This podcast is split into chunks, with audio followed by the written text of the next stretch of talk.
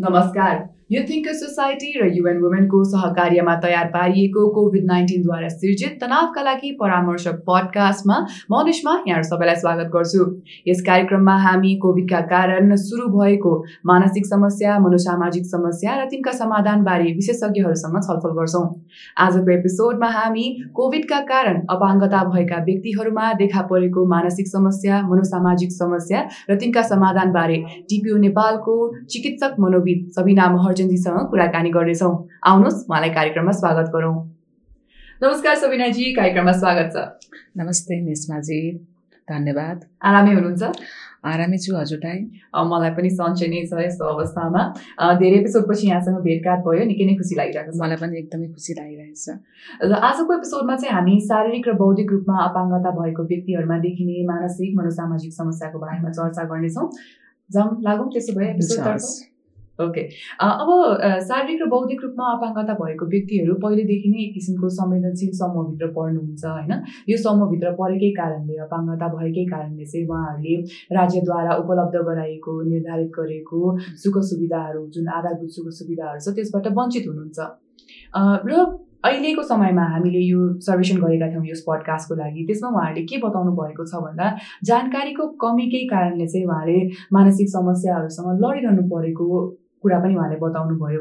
अब यस्तो समयमा जुन यो महामारीको समयमा चाहिँ यसरी शारीरिक र बौद्धिक रूपमा अपाङ्गता भएको व्यक्तिहरूमा कस्तो किसिमको मानसिक स्वास्थ्य सम्बन्धी समस्याहरू देखा पर्छन् त? धन्यवाद निस्माजी प्रश्नको लागि। र अपाङ्गता चाहिँ विभिन्न खालका हुन्छन्। तीमध्ये पनि दृष्टि सम्बन्धित हुन्छ। त्यस्तै गरेर सुनाइ सम्बन्धित अपाङ्गताहरू हुने हुन्छ र बौद्धिक तथा अटिजम सम्बन्धित अपाङ्गताहरू पनि हुने हुन्छ र अर्को चाहिँ श्रवण दृष्टिपेन खालका अपाङ्गताहरू पनि हुने हुन्छ र अर्को चाहिँ मनो सामाजिक तथा सिकाइ सम्बन्धित पनि अपाङ्गताहरू भएका व्यक्तिहरू हुने हुन्छ र तपाईँले माथि उल्लेख गरेका जस्तै गरेर होइन? यस्ता अपाङ्गता भएका व्यक्तिहरूमा चाहिँ उहाँहरूमा स्वास्थ्य सेवाको कमी त्यस्तै गरेर सञ्चारको माध्यममा कमी अनि त्यस्तै गरेर आधारभूत सेवाहरू पनि प्राप्त नहुँदाखेरि उहाँहरूमा चाहिँ भावनात्मक रूपमा चाहिँ डर लाग्ने आत्तिने र चिन्ता महसुस हुने चाहिँ हामीले स्वाभाविकै मान्नुपर्छ। त्यो उहाँलाई मात्र हुने होइन कि हामी सबैजनालाई यस्तै खालको महसुस हुने हुन्छ र स्वाभाविकै रूपमा लिन पर्ने पनि हुन्छ र व्यवहारिक रूपमा पनि रिस उठ्ने होइन। त्यस्तै गरेर सम्बन्धहरू चाहिँ बिग्रिने र आफूलाई चाहिँ आफ्नो मनको कुराहरू व्यक्त गर्न मन नलाग्ने एक्लै बस्ने पनि समस्याहरू देखा परेका छन्। र फरक फरक खालका चाहिँ अपाङ्गता भएका व्यक्तिहरूमा फरक फरक खालको मनोसामाजिक समस्याहरू पनि देखा परेको छ। यो चाहिँ हाम्रो रिपोर्टले पनि यस्तै खालको देखाएको छ। र जसले गर्दाखेरि चाहिँ हामीले चाहिँ मानसिक स्वास्थ्य र सुस्वास्थ्यमा चाहिँ एकदमै ध्यान दिनुपर्ने जरुरी हुन्छ। हजुर पक्कै पनि सबिनाजी अहिलेको समयमा महामारीको कारणले चाहिँ उहाँहरूलाई मात्र नभएर हामी सबैलाई नै केही न केही समस्याहरू मानसिक स्वास्थ्य सम्बन्धी समस्याहरू त आइ नै रहेका छन् यहाँले उल्लेख गरे जसरी नै। अब लागु जानकारीतर्फ जानकारीको कमी छ भन्ने कुरा त हामीले अघि नै कुरा गरिसक्यौँ होइन? अब अहिलेको समयमा महामारी के हो यो रोग कसरी फैलिन्छ यस्तो जानकारी दिइरहने क्रममा चाहिँ उहाँहरूलाई यो रोगको बारेमा थाहा पाएर मानसिक स्वास्थ्य सम्बन्धी समस्या नहोस् भन्नका लागि परिवारको भूमिका कस्तो होला? र जानकारीको कुरा गर्ने क्रममा चाहिँ कस्तो किसिमको सञ्चार माध्यमको प्रयोग चाहिँ गर्न सकिन्छ होला? यस्तो अवस्थामा चाहिँ होइन अपाङ्गता भएका व्यक्तिहरूमा चाहिँ घर परिवार तथा सेयरकर्ताहरूले चाहिँ उहाँलाई राम्रो खालको सञ्चारको माध्यम दिनु एकदमै जरुरी र आवश्यक पनि छ। र यस्तो अवस्थामा चाहिँ होइन उहाँ अपाङ्गता भएका व्यक्तिहरूमा चाहिँ कोभिड उन्नाइस भनेको के हो? यो यसका कारणहरू कस्ता हुन्छन्? र यो कसरी सर्छ? र यसबाट हामीले चाहिँ कसरी बस्न सक्छौँ भन्ने कुराहरू चाहिँ हामीले राम्रोसँग बताउन पर्ने हुन्छ। यदि हामीले उहाँहरूलाई जानकारी दिन सकेनौँ भने उहाँहरूमा चाहिँ भावनात्मक रूपमा पनि डर त्रासहरू त चिन्ता हुनु त स्वाभाविकै हुने भइहाल्यो। र अर्को कुरा चाहिँ घर परिवारहरूले पनि सञ्चारको प्रयोग गर्दाखेरि चाहिँ होइन ठुलो अक्षरमा लेखेर बताउने होइन त्यस्तै गरेर ठुलो स्वरमा भनिदिने दिने र अर्को कुरा चाहिँ हाउभाउ तथा इसाराहरूको सङ्केतको प्रयोग पनि गर्न सक्नुहुन्छ। र त्यस्तै गरेर दृष्टिबिन होइन समस्या भएका व्यक्तिहरूमा चाहिँ उहाँहरूलाई चाहिँ हामीले सरकार तथा गैर सरकारी निकायहरूबाट चाहिँ आम सञ्चारका माध्यमहरू कोरोना सम्बन्धितका होइन थुप्रै खालका सन्देशमूलक सामग्रीहरू पनि तयार गरेका छन्। प्रत्यक्ष प्रसारण भएकाहरू पनि हामीले दिन सक्छौँ रेडियोहरू मार्फत पनि हामीले सुन्न सक्छौँ भनेर हामीले सिकाउन सक्छौँ। साथै डिस्ट्रिबिन भएका व्यक्तिहरूमा चाहिँ ब्रेडलेटको पनि प्रयोग गर्न सकिन्छ। पक्कै पनि सबिराजी परिवारको भूमिका त एकदमै महत्त्वपूर्ण हुन्छ। यहाँले दृष्टिबिन व्यक्तिहरूले चाहिँ यस्तो यस्तो सञ्चार माध्यम प्रयोग गर्न सक्नुहुन्छ भन्ने कुरा भन्नुभयो। तर अघि हामीले उल्लेख गरेका छौँ अपाङ्गता विभिन्न किसिमको हुन्छन् यसरी नै दृष्टिबिनहरूले यस्तो सञ्चार माध्यम प्रयोग गर्न सक्नुहुन्छ भने चाहिँ सुनाइ सम्बन्धी अपाङ्गता भएको व्यक्ति साथै बौद्धिक अपाङ्गता भएको व्यक्तिहरूले चाहिँ कस्तो किसिमको सञ्चार माध्यम प्रयोग गर्न सक्नुहुन्छ त? हजुर सुनाइ सम्बन्धी अपाङ्गता भएका व्यक्तिहरूलाई चाहिँ सरकारी तथा गैर सरकारी निकायहरूबाट चाहिँ होइन कोभिड उन्नाइसको बारेमा चाहिँ रोकथाम को बारेमा पनि साङ्केतिक भाषाको समाचारहरू चाहिँ हामीले टिभीमा पनि देख्न सक्छौँ। साङ्केतिक भाषा परिवर्तन गर्ने विशेषज्ञले पनि होइन आफ्नो अनुहार चाहिँ होइन राम्रोसँग देखाउने र अर्को चाहिँ ओठहरू चलाउने र समाचारहरू चाहिँ माथि उल्लेख गरेका जस्तै समाचारहरू चाहिँ तल ठुलो अक्षरले लेखिदिनु पर्दछ। जसले गर्दाखेरि चाहिँ सुनाइ सम्बन्धित अपाङ्गता भएका व्यक्तिहरूले त्यो कुराहरू राम्रोसँग पढ्न सक्नुहुन्छ। त्यस्तै गरेर बौद्धिक अपाङ्गता भएका व्यक्तिहरूमा चाहिँ उनीहरूको बौद्धिक क्षमता र विकास होइन अनुसार पनि हामीले कोभिड उन्नाइसको बारेमा बताउन पर्ने हुन्छ र त्यो अनुसार हामीले चेतनामूलक सामग्रीहरू पनि दिने पर्ने हुन्छ। र उहाँहरूलाई चाहिँ हामीले प्रयोग गर्दाखेरि चाहिँ सरल भाषा छोटकरीमा बताउन पर्ने हुन्छ र ठुलो ठुलो अक्षरहरू पनि प्रयोग गर्नुपर्ने हुन्छ। र हाम्रो अनुसन्धानमा पनि के देखाएको थियो भनेदेखि चाहिँ यस्ता बौद्धिक अपाङ्गता भएका व्यक्तिहरूमा चाहिँ व्यवहारिक होइन मनोसामाजिक समस्याहरू देखा परेका हुन सक्छन्। यो कुरा चाहिँ हामीले चाहिँ स्वाभाविक रूपमा पनि लिन पर्ने हुन्छ। र अर्को चाहिँ यदि घर परिवार तथा सेयरकर्ताले राम्रोसँग यस्ता सञ्चारका माध्यमहरू प्रयोग गर्न सक्यौँ भनेदेखि अपाङ्गता भएका व्यक्तिहरूले चाहिँ सञ्चारको माध्यमबाट राम्रोसँग बुझ्न सक्नुहुन्छ कोभिड उन्नाइसको बारेमा। साथै उहाँहरूलाई चाहिँ मनोसामाजिक समस्याबाट पनि कम हुन धेरै मद्दत पुर्याउने हुन्छ। पक्कै पनि सबिनाजी अहिलेको समयमा सञ्चार माध्यमको भूमिका एकदमै महत्त्वपूर्ण छ। जानकारी र राहतको कमीले गर्दाखेरि शारीरिक र बौद्धिक रूपमा अपाङ्गता भएको व्यक्तिहरूको मानसिक समस्या चाहिँ बढ्दो छ। अहिलेको समयमा जानकारी राहत उपलब्ध गराउने मात्र भन्दा पनि यसको पहुँचमा पनि काम गर्न आवश्यक छ। यस्तो महामारीको समयमा सरकारी तथा गैर सरकारी संस्थाहरूले आफूले उपलब्ध गराउने जति पनि सेवाहरू छन् जस्तै उहाँहरूले मनोसामाजिक परामर्श सम्बन्धी सेवाहरू उपलब्ध गराउनुहुन्छ। यसको पहुँच समावेशी रूपमा शारीरिक र बौद्धिक अपाङ्गता भएको व्यक्ति उहाँहरूको परिवार र उहाँहरूको स्याहारकर्तामा कसरी पुर्याउन सक्नुहुन्छ? साथै अपाङ्गता भएका व्यक्तिहरू उहाँहरूको परिवार र स्याहारकर्ताहरूले चाहिँ कसरी यो उपलब्ध गराएको सेवाहरूसम्म चाहिँ कसरी पुग्न सक्नुहुन्छ त? धन्यवाद निस्माजी एकदमै महत्त्वपूर्ण प्रश्न राख्नुभयो। यस महामारीले गर्दाखेरि चाहिँ शारीरिक तथा बौद्धिक अपाङ्गता भएका व्यक्तिहरूमा तपाईँले उल्लेख गरेका जस्तै स्वास्थ्य सेवामा कमी र आधारभूत सेवाहरूमा पनि कमी देखिएको छ। त्यसले गर्दाखेरि मा अपाङ्गता भएका व्यक्तिहरूमा भावनात्मक रूपले चिन्ता र डर लाग्ने त स्वाभाविकै मान्नुपर्ने हुन्छ। र यो उहाँहरूलाई मात्र होइन यो जन आम मानिसहरूमा पनि यो समस्याहरू देखिएको नै पाइएको छ।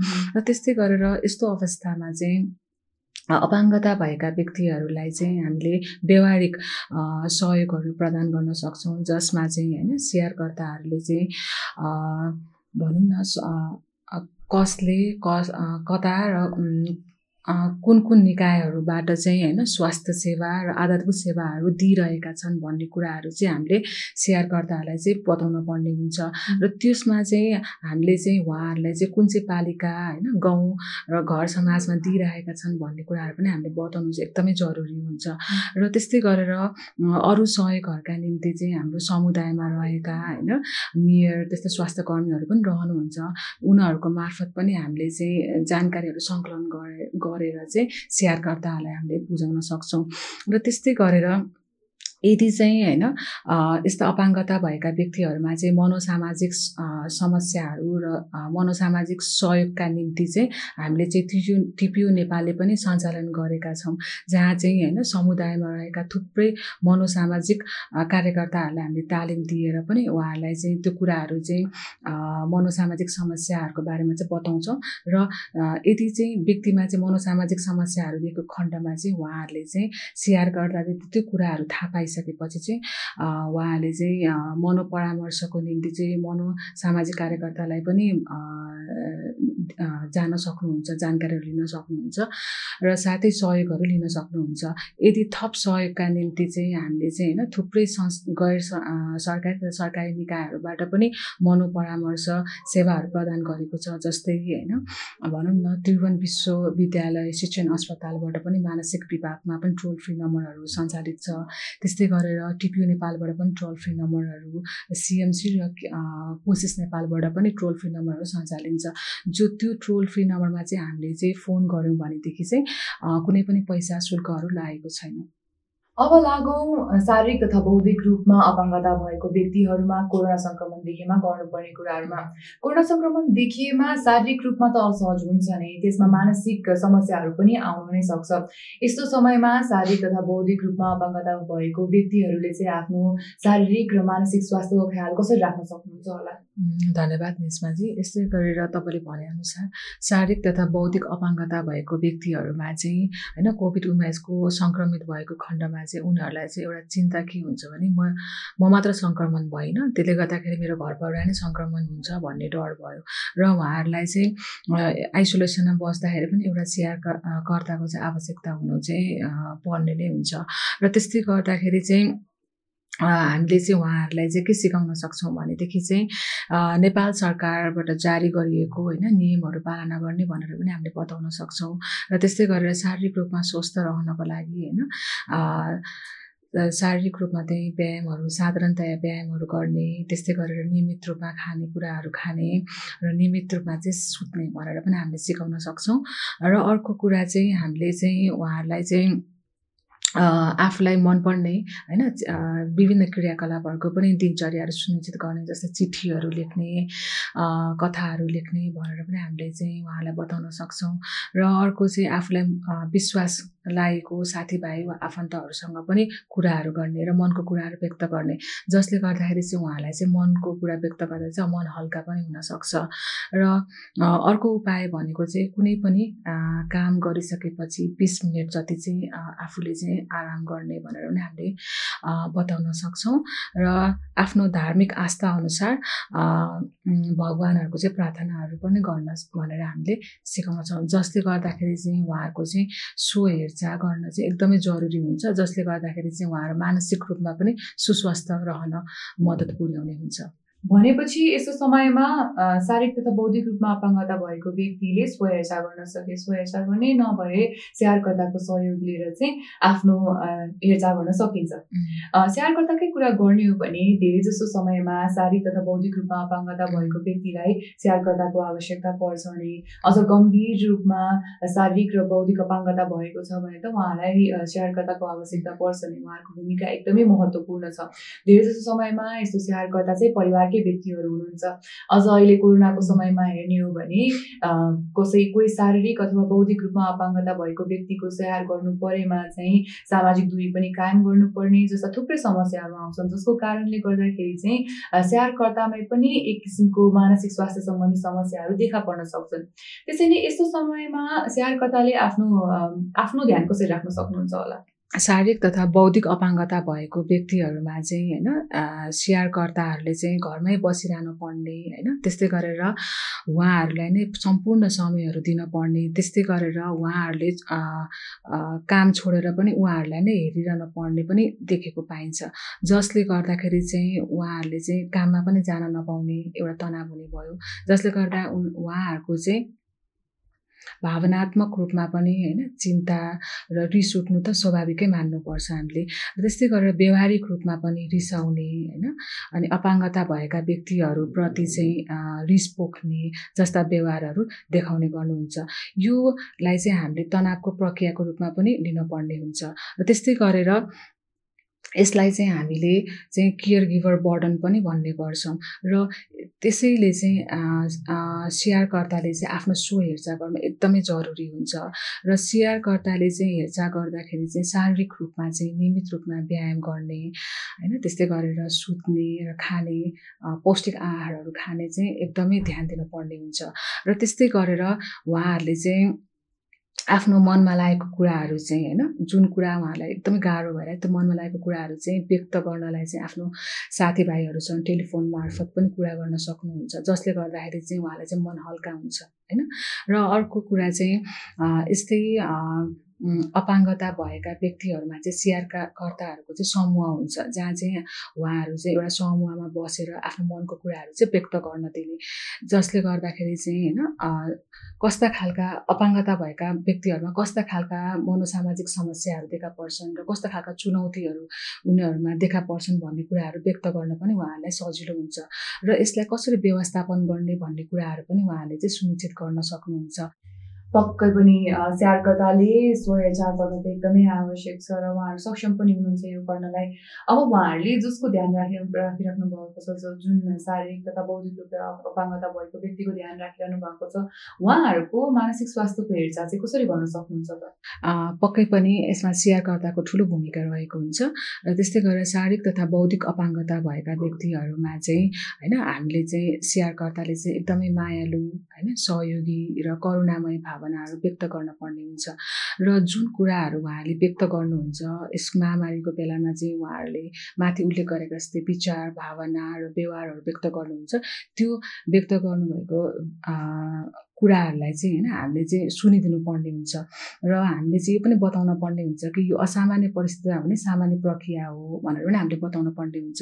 र त्यस्तै गरेर उहाँहरूले जुन व्यक्त गरेका कुराहरू होइन चाहिँ हामीले चाहिँ मान्यता प्रदान गर्ने होइन। तपाईँलाई जुन परिस्थितिमा तपाईँ गुजिरहनु भएको छ म बुझ्छु भनेर पनि हामीले बुझिदिनु पर्ने हुन्छ। र जु र अर्को चाहिँ हामीले थप होइन उहाँहरूको कुराहरू राख्न पनि हामीले वातावरण पनि बनाइदिन पर्ने हुन्छ र व्यक्त गरेको कुरालाई चाहिँ हामीले चाहिँ थप प्रोत्साहन पनि दिनुपर्ने हुन्छ र त्यस्तै गरेर अर्को चाहिँ समानुभूति राख्ने होइन। जुन व्यक्त गरेको कुराहरू उहाँ जुन परिस्थितिबाट गुज्रिरहनु भएको छ त्यसलाई चाहिँ म बुझ्छु होइन? तिमीलाई कस्तो गाह्रो भइरहेछ भनेर नै हामीले चाहिँ समानुभूति पनि प्रकट गर्न पर्ने हुनसक्छ। र त्यस्तै गरेर बौद्धिक अपाङ्गता भएका व्यक्तिहरूमा चाहिँ होइन? सेयरकर्ताको पनि उत्तिकै भूमिका रहेको हुन्छ। सेयरकर्ताले चाहिँ उहाँको विकास होइन?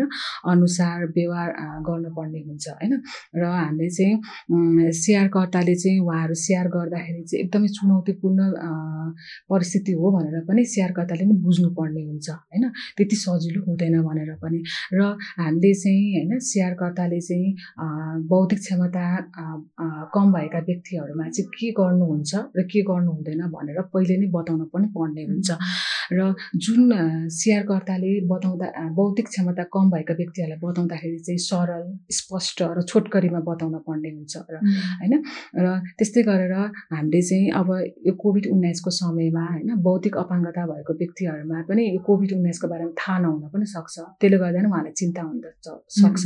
त्यस्तो अवस्थामा चाहिँ हामीले चाहिँ उहाँहरूको दैनिक क्रियाकलापहरूमा चाहिँ होइन सिकाउन सक्छौँ जसमा चाहिँ बिस्तारै होइन कर्मशबद्धमा व्यवहारिक रूपमा चाहिँ सिकाउन पर्ने हुन्छ। जस्तै कोभिड उन्नाइसको बारेमै थाहा छैन भने पनि उहाँहरूलाई चाहिँ हामीले चाहिँ यसबाट हुने सङ्क्रमणको बा कसरी रोक्न सक्छ भन्ने कुरै थाहा छैन भने पनि हामीले चाहिँ उहाँहरूलाई चाहिँ हातहरू धुने होइन?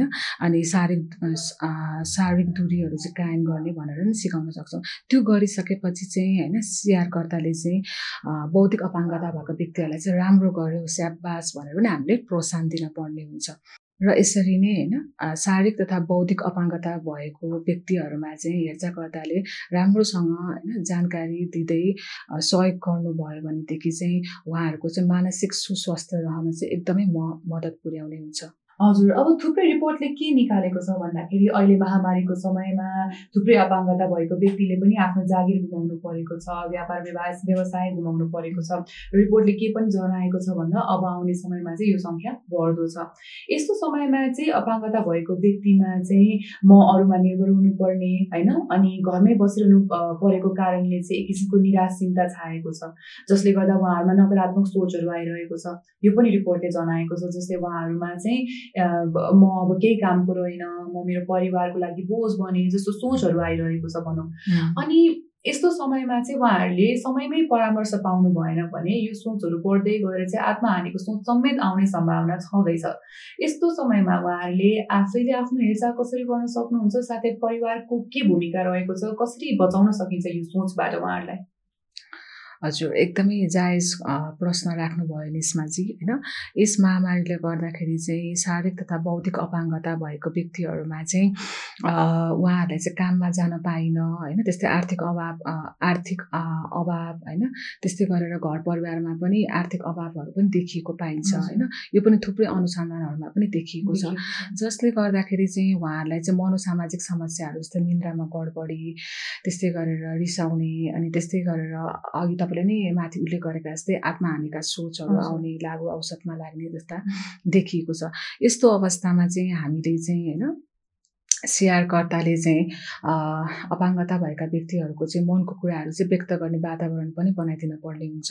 र अर्को कुरा चाहिँ उहाँहरूले जुन व्यक्त गर्नुभएको छ नि आर्थिक अवस्था कमजोर छ भन्ने कुराहरू त्यो चाहिँ उहाँहरूलाई मात्र भएको समस्या होइन। यो चाहिँ होइन विश्वव्यापी नै यस्तो समस्याहरूबाट सबै व्यक्तिहरू गुज्रिरहेका छन् भन्ने कुराहरू पनि हामीले बताउन पर्ने हुन्छ। र यो चाहिँ असामान्य परिस्थिति हुने सामान्य प्रक्रियाको रूपमा पनि लिनुपर्छ भनेर हामीले बताउनु पर्ने हुन्छ। र अर्को कुरा कुरा चाहिँ हामीले समानुभूति पनि दिनुपर्ने हुन्छ होइन?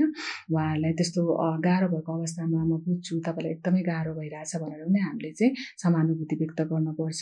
र अर्को कुरा चाहिँ मनको कुरा व्यक्त गर्ने वातावरण पनि बनाइदिने होइन? शान्त ठाउँ सुरक्षित ठाउँमा राखिदिने र म छु भन्ने भावनाहरू पनि हामीले व्यक्त गर्नुपर्ने हुन्छ।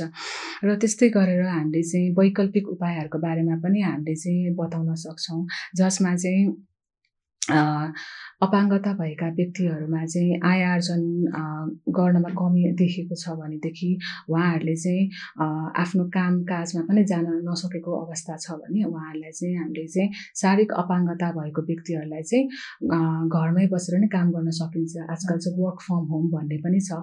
त्यो पनि हामीले चाहिँ दिलाउन सक्छौँ। र अर्को कुरा चाहिँ बौद्धिक अपाङ्गता भएको व्यक्तिहरूमा चाहिँ होइन सिआरकर्ताले चाहिँ आजकल चाहिँ घरमै बसेर अनलाइन कक्षा कुराहरू पनि सञ्चालित छ होइन? हो त्यो कुराहरू पनि हामीले चाहिँ बताउन सक्छौँ। र यदि चाहिँ होइन निन्द्रामा गडबडी त्यस्तै गरेर खाना मन नलाग्ने होइन? त्यस्तै गरेर दैनिक क्रियाकलाप जस्तै स्कुल जान नसक्ने अनि आफ्नो पेसा नै छोडिदिने जस्ता समस्याहरू र अघि तपाईँले माथि उल्लेख गरेका जस्तै आत्महानिका सोचहरू होइन? आएको खण्डमा र लागु औषधमा पनि लागेको खण्डमा चाहिँ यस्ता अपाङ्गता भएका व्यक्ति साथै स्याहारकर्ताहरूको चाहिँ दुई हप्तासम्म यस्तो मनोसामाजिक समस्याहरू दिएको खण्डमा चाहिँ हामीले चाहिँ थप सहयोगको लागि चाहिँ मनोपरामर्शको निम्ति चाहिँ टिपिओ नेपाल त सिएमसी नेपालबाट ट्रोल फ्री नम्बरमा पनि फोन गरेर कुराहरू गर्न सक्नुहुन्छ। साथै त्रिभुवन विश्वविद्यालय शिक्षण अस्पतालबाट चाहिँ स्वास्थ्य तथा मानसिक स्वास्थ्यको निम्ति चाहिँ हामीले टोल फ्री नम्बरहरू उपलब्ध छ। त्यो पनि हामीले चाहिँ बताउन सक्छौँ। हजुर सबिनाजी। सबिनाजीले भने जसरी नै यदि आत्महानिको सोच आइरहेको छ भने विभिन्न सङ्घ संस्था तथा अस्पतालहरूले सेवा उपलब्ध गराइरहनु भएको छ। ती सेवाहरू नि शुल्क छन् र साथै नम्बरहरू हामी यस कार्यक्रमको अन्त्यमा यहाँलाई बताउने नै छौँ। यदि यहाँहरूले हामीलाई हेरिरहनु भएको छ भने ती नम्बरहरू स्क्रिनमा देखाइदिन्छौँ भने रेडियो मार्फत हामीलाई सुनिरहनु भएको छ भने ती नम्बरहरू हामी यहाँलाई बताइदिन्छौँ। अब लागौँ हाम्रो कार्यक्रमको अर्को भागतर्फ। यस भागमा चाहिँ हामी तथ्य वा अफवाहको खुलासा गर्छौँ। अहिले हाम्रो समुदायमा के कुराकानी चलिरहेको छ भन्दा महामारीको कारणले चाहिँ महामारीकै बारेमा धेरै कहानीको कुराकानीहरू चलिरहेको छ। यो कुराकानी चल्ने क्रममा चाहिँ कोरोना भाइरस जुन छ त्यो आठ घन्टासम्म हावामा रहिरहन्छ भन्ने किसिमको कुराकानी समुदायमा चलिरहेको छ। सबिनाजीले हामीलाई बताउनु पर्यो यो तथ्य हो वा धन्यवाद निस्माजी यसमा चाहिँ विश्व स्वास्थ्य सङ्गठन अनुसार कोरोना भाइरस चाहिँ हावा आठ घन्टासम्म रहँदैन भन्ने पाइएको छ। यो चाहिँ अफवाह नै हो। र कोभिड उन्नाइस चाहिँ विशेष गरी चाहिँ सङ्क्रमित व्यक्तिको चाहिँ होइन हाछ्यु गर्दा खोक्दा र छिटो छिटो बोल्दाखेरि चाहिँ थुकहरूबाट सर्छ भन्ने पाइएको छ। र यस्तो छिटाहरू चाहिँ हावामा रहँदाखेरि धेरै भारी हुने भएकाले त्यो त्यसै कारणले गर्दाखेरि चाहिँ तत्काल भुइँमा वा वस्तुमा खस्ने गर्दछ होइन। त्यसैले चाहिँ यो कोरोना भाइरस चाहिँ होइन हावामा आठ घन्टासम्म रहँदैन। र यसबाट बस्नका लागि चाहिँ विश्व स्वास्थ्य सङ्गठनले निर्धारित गरेका नियमहरू पालना गर्नुपर्छ जसमा चाहिँ यदि व्यक्ति चाहिँ होइन कोरोना सङ्क्रमित हुनुहुन्छ भनेदेखि मास्कहरू लगाउने दुई मिटरको दुरीहरू कायम गर्ने त्यस्तै गरेर कुनै नै वस्तु वा वस्तुहरू छोइसकेपछि चाहिँ आफ्नो चाहिँ सा साबुन पानीले वा सेनिटाइजरको प्रयोग गरेर पनि सफा गर्न सक्नुहुनेछ। भनेपछि कोरोना भाइरस आठ घन्टासम्म हावामा रहने कुरा चाहिँ अफवाह हो। अब हामी हाम्रो कार्यक्रमको अर्को भागतर्फ लाग्छौँ। यस भागमा हामीले हाम्रो दर्शक श्रोताको लागि हरेक एपिसोडमा एउटा व्यायाम सिकाएर जान्छौँ। यो व्यायाम गर्नाले हामी मानसिक रूपमा आफ्नो स्वास्थ्यको ख्याल राख्न सक्छौँ। आज सबिनाजीले हामीलाई कुन व्यायाम सिकाउँदै हुनुहुन्छ र यसको फाइदाहरू के के छन् त? आज मैले सिकाउन गएको चाहिँ बडी स्क्यान मेडिटेसन भन्ने गर्छौँ। यसलाई चाहिँ शरीरलाई ध्यानपूर्वक हेर्ने भनेर गर्छौँ। हजुर यसको फाइदाहरू? यसका फाइदाहरू चाहिँ हामीलाई चाहिँ यसरी यो बडी स्क्यान मेडिटेसन गऱ्यो भनेदेखि चाहिँ हाम्रो डर चिन्ताहरूलाई कम गर्न मद्दत गर्छ र त्यस्तै गरेर हामीलाई चाहिँ यसले चाहिँ वर्तमान स्थितिमा रहन पनि यसले धेरै मद्दत पुर्याएको हुन्छ। हजुर सुरु गरौँ त्यसो भए हुन्छ। यस कार्यक्रम सुनिरहनु भएका श्रोता दर्शकहरूलाई चाहिँ होइन मसँगै बसेर चाहिँ यो व्यायाम गर्न चाहिँ सल्लाह दिन्छु। र पहिले चाहिँ हामीले चाहिँ यो व्यायाम गर्दाखेरि चाहिँ आफ्नो शरीरलाई ध्यानपूर्वक हेर्न पर्ने हुन्छ। र त्यस्तै गरेर हामीले चाहिँ तपाईँ अहिले कुर्सीमा बसिरहनु भएको छ भने त्यहाँ पनि बस्न सक्नुहुन्छ। र तपाईँ सुकुलमा बसिरहनु भएको छ त्यहाँ पनि बस्न सक्नुहुन्छ। र यो बस्दाखेरि चाहिँ आफ्नो शरीरलाई चाहिँ खुकुलो छोडिदिनुहोस्। र बिस्तारै आँखा बन्द गर्नुहोस्। हजुर सबिनाजीलाई म सहयोग गर्छु त्यसो भए यो व्यायाम गर्नलाई। सँगसँगै मैले गरेँ त। हस्। बिस्तारै आँखा बन्द गर्नुहोस्। र सजिलैसँग बस्नुहोस् र आफ्नो सम्पूर्ण ध्यान शरीरमा दिनुहोस्। तपाईँ बसिरहनु भएकोमा कुर्सीमा बस्दा आफ्नो शरीरको भाग सबै कुर्सीमा थिचिएको महसुस गर्नुहोस्। र कस्तो अनुभव भइरहेछ त्यो पनि महसुस गर्नुहोस्। एकदमै हल्का छ कि नरम छ त्यो पनि महसुस गर्नुहोस्। र बिस्तारै लामो सास लिनुहोस्। र सम्पूर्ण अक्सिजन छातीभित्र पुगेको महसुस गर्नुहोस् र बिस्तारै सासलाई बाहिर फ्याँक्नुहोस् र एकदमै आनन्द भएको महसुस गर्नुहोस्। र तपाईँ कुर्सीमा बस्दाखेरि आफ्नो खुट्टाको पैताला भुइँमा अनुभव गर्नुहोस् र कस्तो अनुभव भइरहेछ? आफ्नो शरीरको तौल खुट्टामा कस्तो अनुभव भइरहेछ? गरुङको छ कि थिचिएको छ कि त्यो पनि महसुस गर्नुहोस्।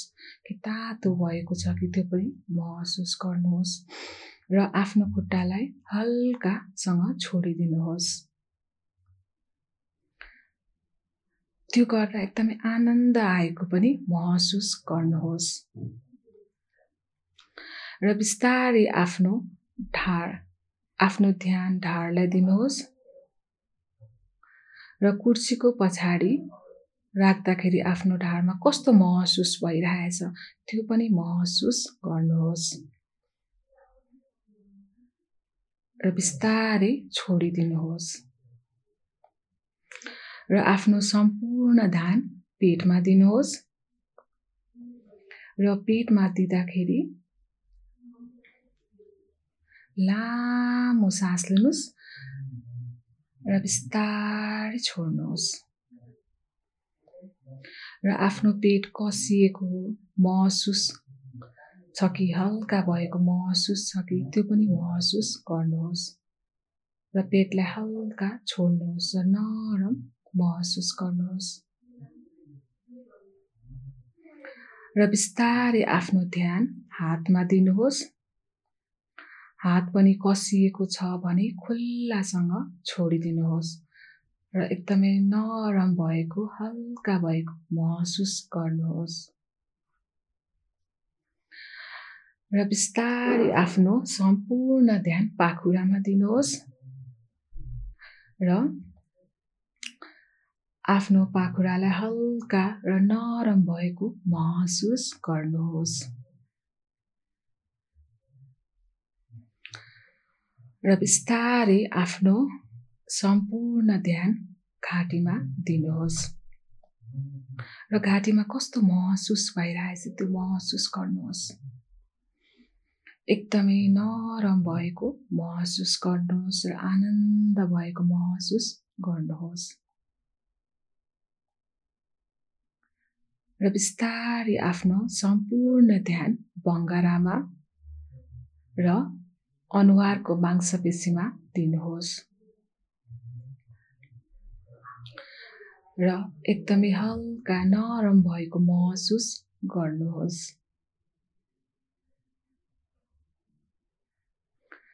र तपाईँले आफ्नो सम्पूर्ण शरीरमा अहिले के भइरहेको छ भनेर महसुस गर्नुहोस् र त्यो महसुस गर्दा एकदमै राम्रो लागेको महसुस गर्नुहोस्। एकदमै आनन्द भएको महसुस गर्नुहोस्। र बिस्तारै लामो सास लिनुहोस्। र बिस्तारै सास बाहिर फ्याँक्नुहोस्। र तपाईँले बिस्तारै आफ्नो दुवै आँखा खोल्न सक्नुहुन्छ।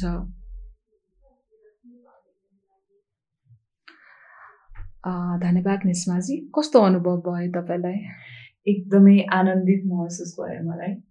यो अभ्यास गर्नाले यो व्यायाम गर्नाले चाहिँ पक्कै पनि हाम्रो दर्शक श्रोतालाई पनि यसरी नै आनन्दित महसुस भयो होला र हुनेछ भन्ने म आशा गर्छु।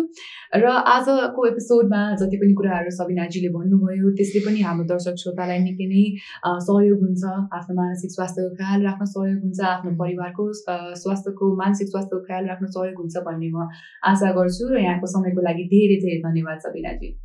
धन्यवाद निस्माजी त्यस्तै गरेर युएन ओमेनलाई त्यस्तै युथ थिङ्कर सोसाइटीलाई पनि म धन्यवाद ज्ञापन गर्न चाहन्छु र तपाईँले मलाई समय दिनुभएकोमा धेरै धेरै धन्यवाद. धन्यवाद सबिनाजी। यस पडकास्ट मार्फत हामीले यहाँहरूमा मानसिक स्वास्थ्य सम्बन्धी चेतना ल्याउने मूल उद्देश्य राखेका छौँ। आजको एपिसोडबाट यहाँहरूमा मानसिक स्वास्थ्य सम्बन्धी जानकारी भयो होला भन्ने हामी आशा राख्छौँ। यस कार्यक्रमलाई थप सुन्नका लागि युथ थिङ्कर सोसाइटीको वेबसाइट र वाइटिएस केयरको सामाजिक सञ्जालमा पनि यहाँले हामीलाई भेटाउन सक्नुहुन्छ। यति मात्र नभए यो कार्यक्रम प्रदेश नम्बर दुई र सुदूरपश्चिम प्रदेशको रेडियो एफएममा पनि प्रसारण हुन्छ। प्रदेश नम्बर दुईका लागि रेडियो बिरगन्ज र रेडियो मिथिलाञ्चल साथै सुदूरपश्चिम प्रदेशको लागि दिनेश एफएम र रेडियो सुदूर आवाजमा यहाँले हामीलाई सुन्न सक्नुहुन्छ। यदि यस कार्यक्रमप्रति यहाँको कुनै जिज्ञासा अथवा गुनासाहरू रहेमा क्याप्सनमा दिइएको प्रतिक्रिया फारम भरि हामीलाई सचेत गराउन सक्नुहुन्छ। कोभिड नाइन्टिनद्वारा सिर्जित तनावका लागि परामर्श पडकास्टमा हामीले यहाँहरूलाई जानकारी हुनुपर्ने मानसिक स्वास्थ्य सम्बन्धी सूचनाहरू दिने गर्दछौँ। एपिसोड नम्बर सातमा महामारी सुरु भए यता। नेपाल फर्किएका प्रवासी मजदुरहरूमा देखा परेको मानसिक समस्या मनोसामाजिक समस्या र त्यसका समाधानबारे विशेषज्ञहरूसँग हामी छलफल गर्नेछौँ। यदि यहाँहरूलाई कुनै मानसिक अथवा मनोसामाजिक समस्या भएमा यहाँले डिपिओ नेपालको टोल फ्री नम्बरमा सम्पर्क गरेर मद्दत माग्न सक्नुहुन्छ। डिपिओ नेपालको टोल फ्री नम्बर रहेको छ एक छ छ शून्य एक शून्य दुई शून्य शून्य पाँच। यो सेवा बिहान आठ बजेदेखि बेलुका छ बजेसम्म उपलब्ध छ। थप यहाँहरूले कोसिस नेपालको टोल फ्री नम्बरमा पनि सम्पर्क गरेर मद्दत माग्न सक्नुहुन्छ। प्रदेश नम्बर दुईको लागि उहाँहरूको नम्बर रहेको छ एक छ छ शून्य तिन तिन पाँच दुई शून्य एक एक। सुदूरपश्चिम प्रदेशको लागि उहाँहरूको नम्बर रहेको छ एक छ छ शून्य एक शून्य पाँच छ सात एक पाँच। बागमती प्रदेशको लागि उहाँहरूको नम्बर रहेको छ एक छ छ शून्य एक दुई दुई तिन दुई दुई। आत्महत्या रोकथामको लागि मानसिक अस्पताल लगनखेलको नम्बर रहेको छ एक एक छ छ। यी सबै सेवाहरू निशुल्क छन्। यति भन्दै आजको पडकास्टबाट म निष्मा चौधरी यहाँहरूबाट बिदा माग्न चाहन्छु। नमस्ते।